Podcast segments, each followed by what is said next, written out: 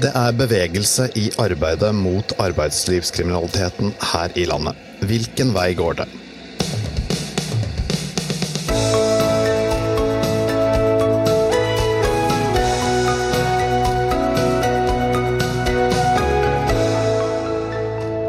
Hei og velkommen til en ny episode av Byggeindustrien og bygg.nos podkast Byggeplassen. Jeg heter Christian Aarhus og er programleder sammen med Frode Aga. Det er ikke lenger greit for villaeiere å skryte av å kjøpe svarte tjenester. Hovedentreprenører og byggherrer legger mer i arbeid i å unngå de kriminelle aktørene, og politikere fra alle partier forstår alvoret. Ja, ikke minst har pressa publisert ei rekke saker om lønnstyveri, hyttekrim, livsfarlig arbeid og slavelignende tilhøve i arbeidslivet. Artikler som viser fram råtenskapen som følger med av krim. Orda om råtenskap de er ikke mine, men er henta fra en rapport som du har skrevet du kan egentlig få lov å introdusere deg sjøl. Ja, takk skal du ha. Lars Mamen heter jeg. Jeg er eh, leder i Fairplay Bygg Oslo omegn. Og vi har lagd den eh, rapporten da, eh, om arbeidslivskriminalitet som jeg da i den lederartikkelen sammenligner med, med råttenskap. Og du har med deg en annen gjest, holdt på å si, eller gjesten din og vår, da, ikke din. Men kommer fra samme organisasjon. Du skal få lov å presentere deg. Jo, takk for det, og takk for å bli invitert. Eh, jeg heter Silje Skullerud og er eh, styreleder i Fairplay Bygg Norge.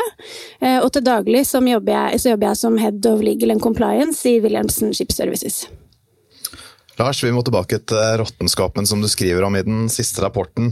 Eh, du skriver også at det er en viss bevegelse. Hvordan er det egentlig ståa i byggenæringen anno 2023?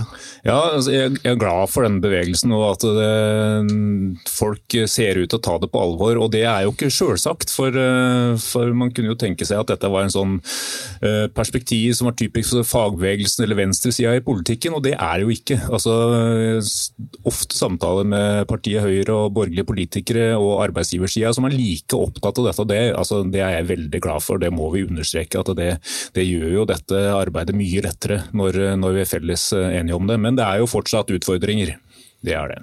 Men for, Fortell også litt om, om Fairplay. Det er ikke sikkert alle vet hva Fairplay Bygg er. Hva, hva gjør dere? Fairplay Bygg er jo som vi kaller det, en topartssamarbeid eh, mellom arbeidsgiver- og arbeidstakersida innenfor bransjene bygg og elektro.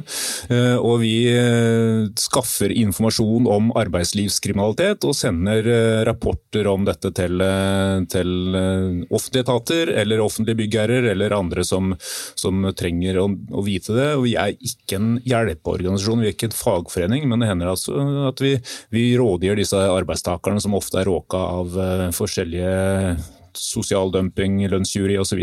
litt for, for, å løse sine saker. Men vi er viktig å si at vi er ikke noe hjelpeorganisasjon. Vi overtar ikke noe, representerer ikke arbeidstakerne i sakene mot bedriftene. Ja, og I årsrapporten da, eh, for 2022, de varslene du, du nevner så vidt her eh, Det har sendt eh, 225 varsler til A-krim og andre offentlige etater i, eh, i fjor. Også på landsbasis, for det er jo en eh, landsbasisorganisasjon her som heter Fairplay Bygg Norge. Eh, og de, det sammen med de totalt har sendt 800 varsler. Hva er det disse varslene går på? Ja, Det er veldig mange varsler som går på det som eh, har med lønn og arbeidsforhold for arbeidstakerne. Og vi ser jo at De aller fleste arbeidstakerne som blir råka, er jo utenlandske arbeidstakere som er ufaglærte. Så, eh, så Den største kakestykket i det kakediagrammet handler om uh, sosial dumping og lønnstyveri. Men det er også et ganske stort kakestykke som handler om langt grovere tilfeller, som tvangsarbeid, vold, trusler og slike situasjoner som kommer under uh, lovforbudet om menneskehandel og tvangsarbeid. Og så er det en del saker i forhold til andre typer kriminalitet, sånn som uh, økonomisk kriminalitet, konkurskriminalitet osv. Men hva skjer etter at dere har varsla myndighetene om det her? da? Det som ofte skjer, er jo at eh, myndighetene begynner å kontrollere selskapene, og så går selskapene konkurs. Det ser vi jo, eh, leser jo den eh, spalta om konkurser i bygg.no hver søndag, og det, det, kjenner igjen mange av de selskapene. Men det tar noen måneder før de går konkurs. Men det er jo en effekt, da. Andre ting som skjer, er jo ofte at vi får rådgitt en del av arbeidstakerne, sånn at de får ut noe av den lønna de har krav på. Andre ting som skjer, er at eh, byggherrer og entreprenører velger å ikke bruke underentreprenører som er kontrollert av disse trusselaktørene. Da. Så eh, våre varsler har en helt klart betydning om hvordan byggebransjen i Oslo-området ser ut. Men noen ender vel òg med, med domfellelse av kriminelle, ja, kriminelle aktører? Det er, det er, jo noen dommer i, i forhold til Akim, og Økokrim eh, rapporterer jo på det. Men det, det er en langt lerret å bleike, da, så mm. det tar lang tid før det kommer til dom om. Men når det, når det går konkurs, da, eh, hvordan hindrer en at disse her eh, kommer tilbake og blir såkalte konkursryttere? Ja, Det jeg skulle ønske at, eh, at, det ble tatt litt mer tak i. Ja, det er noen som får konkurskarantene. Andre får næringsforbud, altså en dom som sier at de ikke har lov til å starte opp en ny virksomhet.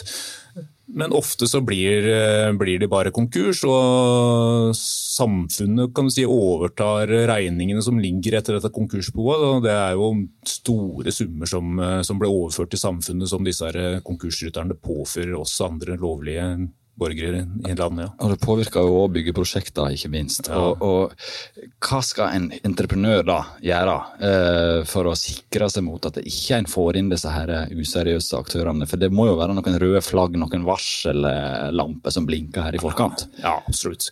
Et, et, rødt flagg er jo å gå inn og se på, på daglig leder og styreleder, og se på konkurshistorie på, på disse personene. For det er jo offentlig, offentlig tilgjengelig informasjon. Så kan man jo også gå enda lenger og så se på historie historia til selskapet, hvem som har vært daglig leder før. og Så kan man søke opp om disse har konkurskarantene, for konkurskarantene er også offentlig informasjon via Brønnøysundregisteret.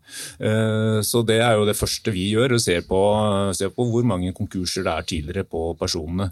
Men så kan man bruke dette som heter eh, offentlig postjournal, e-innsyn, og ser der hvis det er mange varsler og stans, gebyrer fra Arbeidstilsynet, så er det også et, selvsagt et rødt flagg. Det høres litt ut som måten vi jobber på i relasjonen her innimellom det. Men hvor mange gjengangere er det? Altså... Ja, Det er mange gjengangere. Altså, det er jo noen, eh, noen, av de eh, som vi sender varsler på, sender vi flere varsler i året. Og vi sender også flere varsler år etter år. Da. Så det er jo noen gjengangere her. Det er klart det. Hvordan da, jobber dere med å avdekke alt det her? Da? Nei, Det er jo våre kilder ute på byggeplassene. Da. Det er jo arbeidstakere og arbeidsgivere, formenn og baser og tillitsvalgte og sånt ute på byggeplassen som er vår viktigste kanal for informasjon. Og så er det arbeidstakerne sjøl. Eh, de aller fleste tipsa våre kommer fra en av disse kategoriene, eller så kommer det fra, fra disse hjelpeorganisasjonene som jobber mye med migrantarbeidere. Ok, da må vi få den andre Fair Play-gjesten her. For vi må jo være litt fair med begge gjestene her. Silje, uh, du, har litt bakgrunn fra Fair Play fra før, men fra 2. mai var det vel, så trådte du inn i en ny rolle, styreleder. Uh, og så har du den compliance-bakgrunnen din, og det er et ord vi ofte hører. Compliance. Du jobber med det i, uh, i Wilhelmsen uh, Shipping. Ship Services. Ship Services.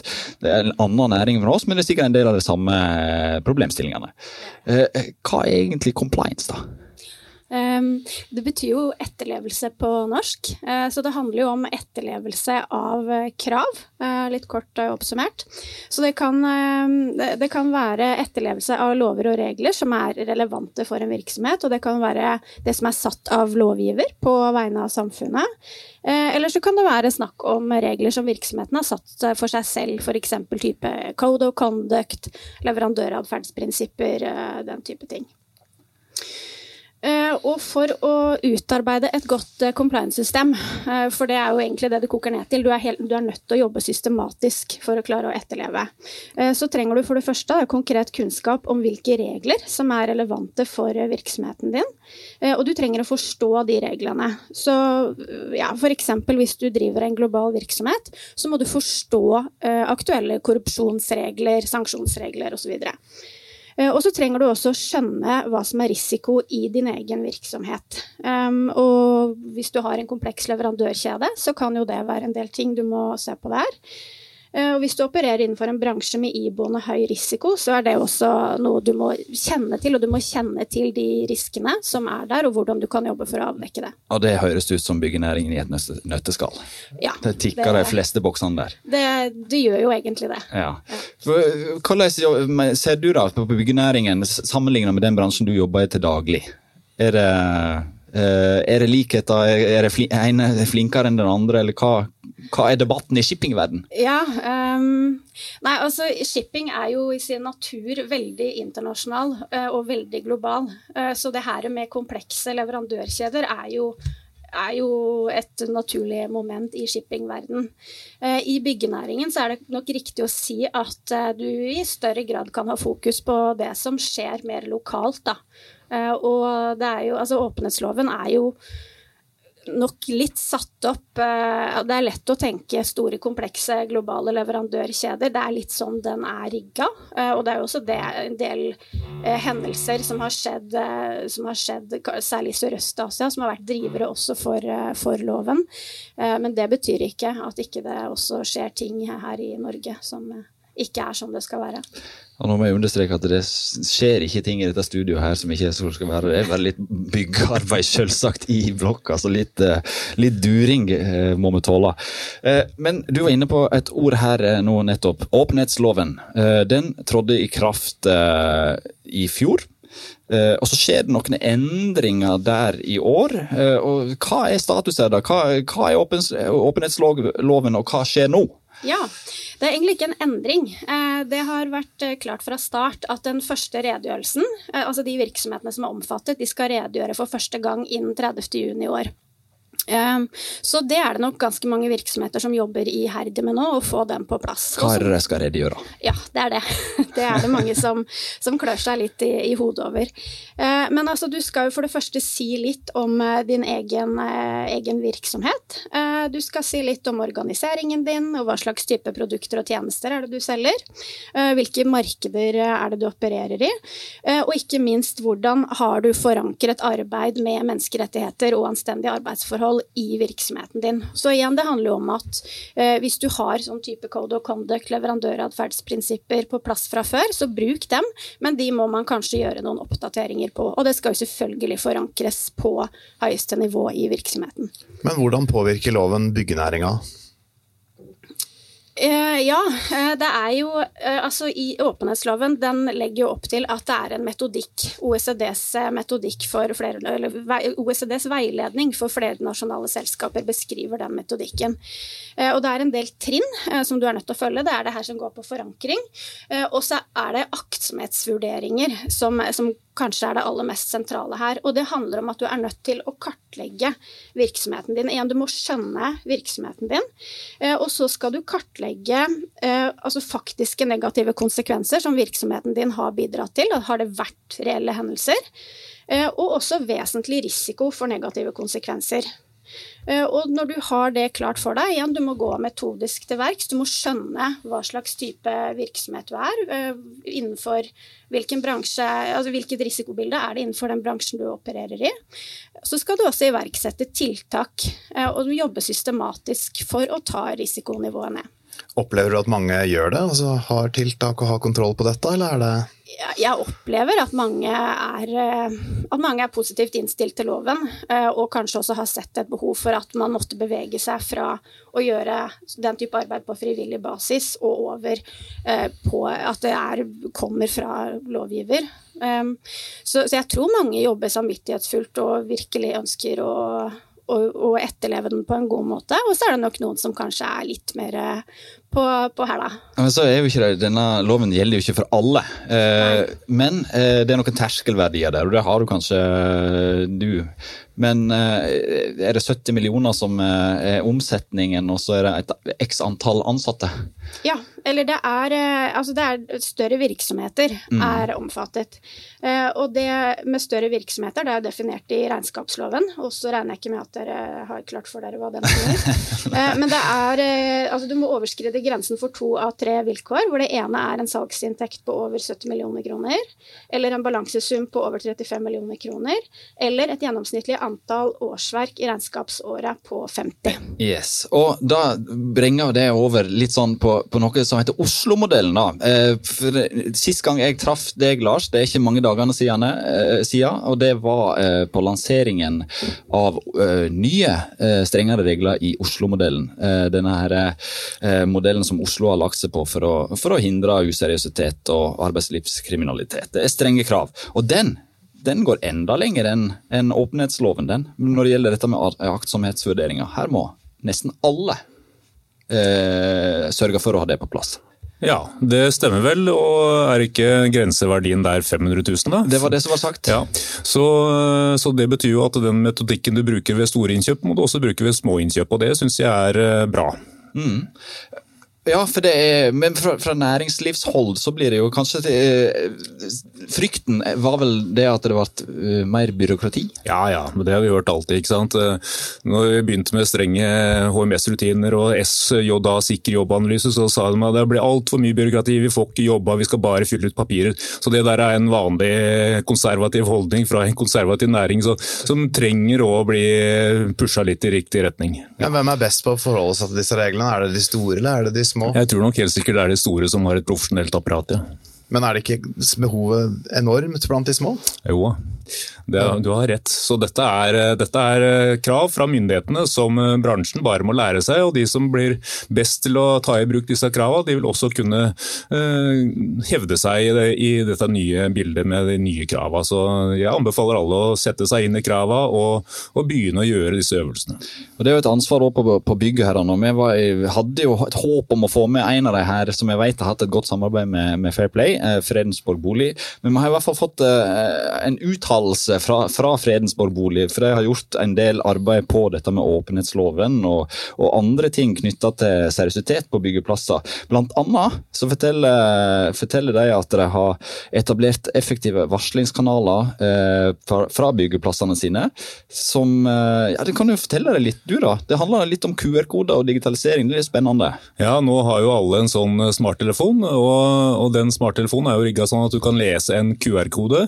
Så kommer du til en nettside med mye mer informasjon enn det man får plass til på en vanlig plakatoppslag. Så det har jo Fredensborg bolig eh, laga noen bannere og noen plakater på sine byggeplasser med link til vår eh, hjemmeside, eh, hvor det også er en varslingskanal som, som alle som er på Fredensborg bolig sine plasser da kan, kan tipse direkte til oss. Og vi har faktisk fått noen tips og sendt noen varsler til Fredensborg bolig om aktører som, hvor det var problemer. Og den er på flere språk, selvsagt. Ja, den er på flere språk, for språk er jo viktig her. Men hvor mange aktører er det som har sånne type QR-koder på byggeplassene sine? Nei, det er ikke mange. Nå fikk Forsvarsbygg også en, sånn tilsvarende QR-kode. og det, De presenterte det på en sånn eh, konferanse for offentlige byggherrer. og Da fikk jeg tilbakemelding fra, fra Bane Nor at de også ønska seg en sånn. Skal vi se, se, om vi kan eh, samarbeide med flere av de offentlige byggherrene om, om, å lage sånne plakater med, med enkel varslingskanal. For det har vi jo sett at disse offisielle varslingskanalene er vanskelig å ta i bruk av en høy terskel for, for utenlandske arbeidstakere å varsle i de offisielle kanalene. Så nevnte du før sending her at det var ikke så mange private aktører som er, er der ennå? Nei, altså det er jo nok de offentlige byggherrene som er de flinkeste. Og, men de private må jo nå tilpasse seg nye åpenhetslova og, og, alle andre krav som kommer. Og hva skal vi si, kravstore kunder òg. For dette er jo en forbrukermakta er jo betydelig her. da. Så kundene vil jo ikke kjøpe leiligheter som, hvor det var produsert med sosial dumping. Så det er klart at det er flere private boligutviklere, eiendomsutviklere som vi ønsker kontakt med, og vi kommer til å invitere til samarbeid med flere av disse nå. Litt tilbake til dette her, Du har vært inne på det flere ganger, men du får jo masse tips. Uh, og Dette her er jo en måte å få tips på. Men uh, hvem er det som tipser, og hvordan ivaretar det? For det, det, er jo ganske eh, krevende å være varsler, uh, og det kan få konsekvenser for varsleren. Hvordan ivaretar det sikkerheten til varsleren?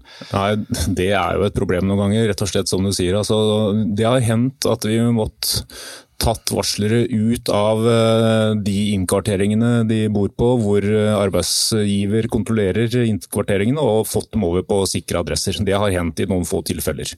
For at eh, Noen av disse her er trusselaktørene, skal vi kalle det det, er jo personer som har koblinger opp mot voldskriminalitet og torpedoer og, og, den slags. Vi skal ikke overdramatisere det, men vi må være klar over at det er en risiko der. Mm. Det er personer som tjener penger i, i, byggebransjen som også driver med prostitusjon, narkotika og annen type kriminalitet, hvor vi veit og det er kjent at det er eh, hva skal vi si, eh, voldskapital. Da. At de har evne til å, og vilje og, til å bruke vold mot både varslere og, og andre.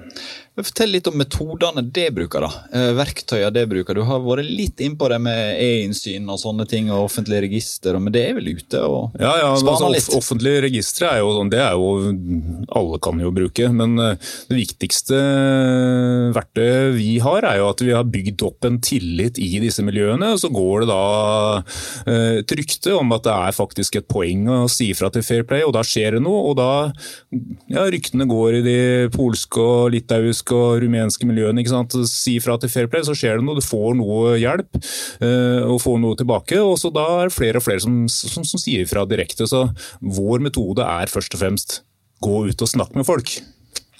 For det er da vi avslører de eh, virkelige tingene, og, se på et dokument og lese, lese offentlige postjournaler og sånt. Og det, ja, du får litt bilde av det, men det er arbeidstakerne som sitter på den viktige informasjonen. Men Hvor ofte er dere ute på byggeplasser, og hvor enkelt er det å få tilpasse tilgang på ja, altså, skulle gjerne, jeg skulle gjerne vært mer på byggeplasser. Altså, etter hvert så blir det så mange telefoner og e-poster, så jeg kommer ikke så mye ut.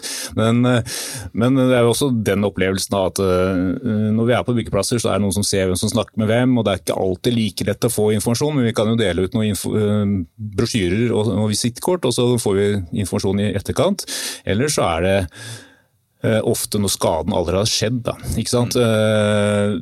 De har ikke fått lønn på to, tre, fire måneder. De, til slutt gir de opp, og så oppsøker de en eller annen hjelpeorganisasjon som hjelper dem med nødhjelp, og så da kommer sakene. Så vi skulle gjerne hatt tipsa langt tidligere. Men disse her går med en eller annen idé om at det løser seg vel bare arbeidsgiveren min får oppgjør fra sin kunde osv. Men Og så er det jo ofte utenlandske arbeidstakere dette her rammer, og, og, er det en viss kulturforskjell der i måten en uh, Om det å si ifra, da? Ja, nei, altså det veit jeg ikke. Mitt inntrykk er at uh, flere og flere polske nå sier ifra tidlig. At de polske ikke lenger aksepterer å, å jobbe for lite og dårlige forhold. Så, så de, der er det kanskje blitt en kulturendring. Eller så kan det hende at rett og slett handlingsrommet er større. Men du, i, i, årsrapporten din så skriver du òg at disse villaeierne ikke syns det er noe ålreit å skryte av dette lenger. Nei. Så det har jo skjedd en endring i befolkningen nå, da. Ja da, det, det er jeg glad for. Og, uh, mange av disse villaeierne blir jo lurt allikevel, men da er det sånn de der oppsøkende svinnerne de kommer jo med en fiktiv faktura hvor det står moms eh, MVA, ikke sant? og så er jo det noe som bare går inn til lederen eh, i bukserommet hans eh, via en konto. Da. Men det er, det er færre som bevisst kjøper svart. Det er det jo. Mm. Er det andre lover og regler eh, du som er compliance eh, eh, har oversikten der? Hva er det en må være liksom aktsom rundt da, som entreprenør? Ja, eh, nei, jeg tenker jo at igjen det handler om å forstå, forstå risikoen. Men innen, eh, innen, bygg og anlegg så tenker jeg jo at eh, det som er viktig å følge med på, er jo det som går på særlig lønns- og arbeidsvilkår. Lønnstyveri. Og det er jo også verdt å presisere at åpenhetsloven den dekker jo også anstendige arbeidsforhold. Det inngår som en del av, av lovnavnet. Eh, så det er jo en viktig del av det. Og dette med lønnstyveri har jo vært mer og mer aktuelt, og det, det skjer jo ting der òg på, på lovsida. Uh, ja, det er det. Det er straffbart. Ja. Det har kommet inn som en del av straffeloven. Ja. Så det tenker jeg er... Mye pga. arbeidet til Fair Play uh, har jeg en følelse av, i hvert fall. Jeg vet ikke om det Du kan sikkert bekrefte eller avkrefte. Ja, skal ikke ta æra for det alene, for jeg vet jo at flere av de LO-forbundene også jobba mye med det. Men, eh, men vi men Det har vært viktig for dere? Ja da, det er klart det har vært viktig. Ja. Men er det noen dommer på det ennå? Altså, jeg prøvde å finne ut av det, og foreløpig er det ikke meg bekjent kommet noen dommer på det. Men det er flere saker som er anmeldt. Da. Eh, men dessverre er nok eh, mange av de anmeldelsene henlagt. Mm. Det er jo litt sånn fritt hvem som vil svare, men hvordan blir dette fulgt opp av myndighetene? da? Um, nei, jeg er uh, Du er kanskje tettere på, på, Lars, om du har noe konkret Ja, altså Arbeidstilsynet følger jo opp, og de har jo en hjemmel i forhold til dette. Politiet også, for så vidt, uh, i forhold til lønnsjury. Uh, hva skal jeg si, altså Det må nesten stille spørsmål til det, men jeg veit at Akrim-senteret i Oslo de er ivrige etter å få opp noen dommer, men det er, altså, det er jo vanskelig å bevise. og Det er jo høye beviskrav i og med at straffene er så høye òg. Så, så folk er jo uskyldige inntil de er dømt. Sånn må det jo være. Men, eh, men at eh, vi ønsker oss eh, flere dommer på det, og ønsker at det, skal bli en tydelig risiko ved å drive med sånn lønnsjury, sånn at man ikke risikofritt kan gjøre det. Men den konferansen der Oslo-modellen ble presentert, så snakka en jo om at det fortsatt er vanskelig for etatene å snakke sammen og dele informasjon. Ja, eh, det er nok blitt lettere for de etatene som sitter på Akrimsenteret, men, men, mellom Oslo kommune, da, som er også en offentlig etat, på, og, og Arbeidstilsynet, så er ikke disse her, eh, informasjonsflyten er ikke sånn som den burde være, kanskje. Så, så der har jo Fairplay en rolle å spille. Senest i går så sendte jeg faktisk et varsel til Oslo kommune om en stor aktør som, som de bruker, eh, hvor det var ja, muligheter for, for lønnsjury og, og ulovlig overtid osv. Vi begynner å nærme oss en uh, slutt her, men uh, før vi gir oss uh, det, det, blir òg snakka om noe som heter norgesmodell. som Ja, du kan da kanskje fortelle litt, Einar Rika, om hva det er? For det, det er regjeringens arbeid. Ja, det stemmer. Eh, og det er jo mange kommuner som har sine egne modeller, og vi har jo diskutert Oslo-modellen en del allerede. Eh, og så jobbes det jo da på regjeringsnivå eh, om å få på plass en som skal dekke hele Norge. Det som jeg har klart å lese meg opp på foreløpig, er Det er ikke helt krystallklart sånn som jeg ser det. Eh, jeg tror nok at f.eks. Oslo-modellen kommer til å være ganske mye mer konkret på kravene som vil bli stilt. Eh, men det er klart, det gjenstår jo å se. Jeg får håpe at, nei, unnskyld, at Norges, altså i utarbeidelsen av Norgesmodellen at man ser til eh, f.eks. Oslo-modellen og andre modeller som har fungert godt, og som stiller konkrete, reelle krav. Men det er jo store geografiske forskjeller. Det ble også trukket fram igjen da, på denne konferansen. At det, det er ikke sikkert at, at det som passer i Oslo, passer i Trøndelag, f.eks. Så en må vel kanskje ha noen eh, geografiske justeringer her? Det kan jo hende, og det er jo forskjell på volum òg. Oslo er jo den absolutt største, men jeg, jeg tenker jo at eh, byggebransjen og byggebransjens uh, geografi i Oslo er jo ikke utelukkende innenfor Oslos kommunale grenser.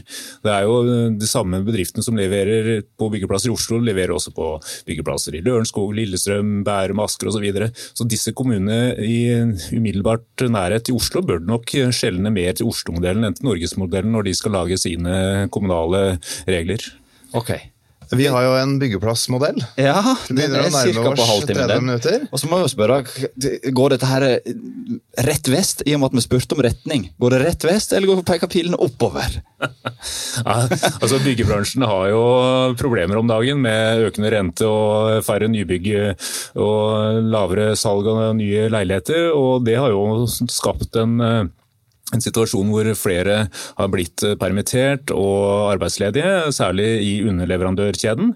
Og Det igjen har jo da skapt en rekrutteringsbase for de som ønsker å tilby svarte tjenester. Da. Så det er noe å være oppmerksom på. Så det er en skummel utvikling i denne her eh, negative trenden jeg ser. At da er det mer rom for de useriøse igjen. Ja, det tror jeg dessverre. Dessverre. Du, eh, som Kristian sa, vi har vår modell. Ikke Oslo-modell, men uh, Byggeplassen-modellen. Og da sier vi tusen takk til Silje og Lars for at det ville være gjester her i Byggeplassen. Håper lytterne har blitt litt klokere og tar avstand fra alt som heter Akrim nå på sine byggeplasser. i hvert fall. Det gjør vi her i Byggeplassen. Sosial dumping. Sosial dumping. Da er vi snart tilbake med en ny episode av Byggeplassen.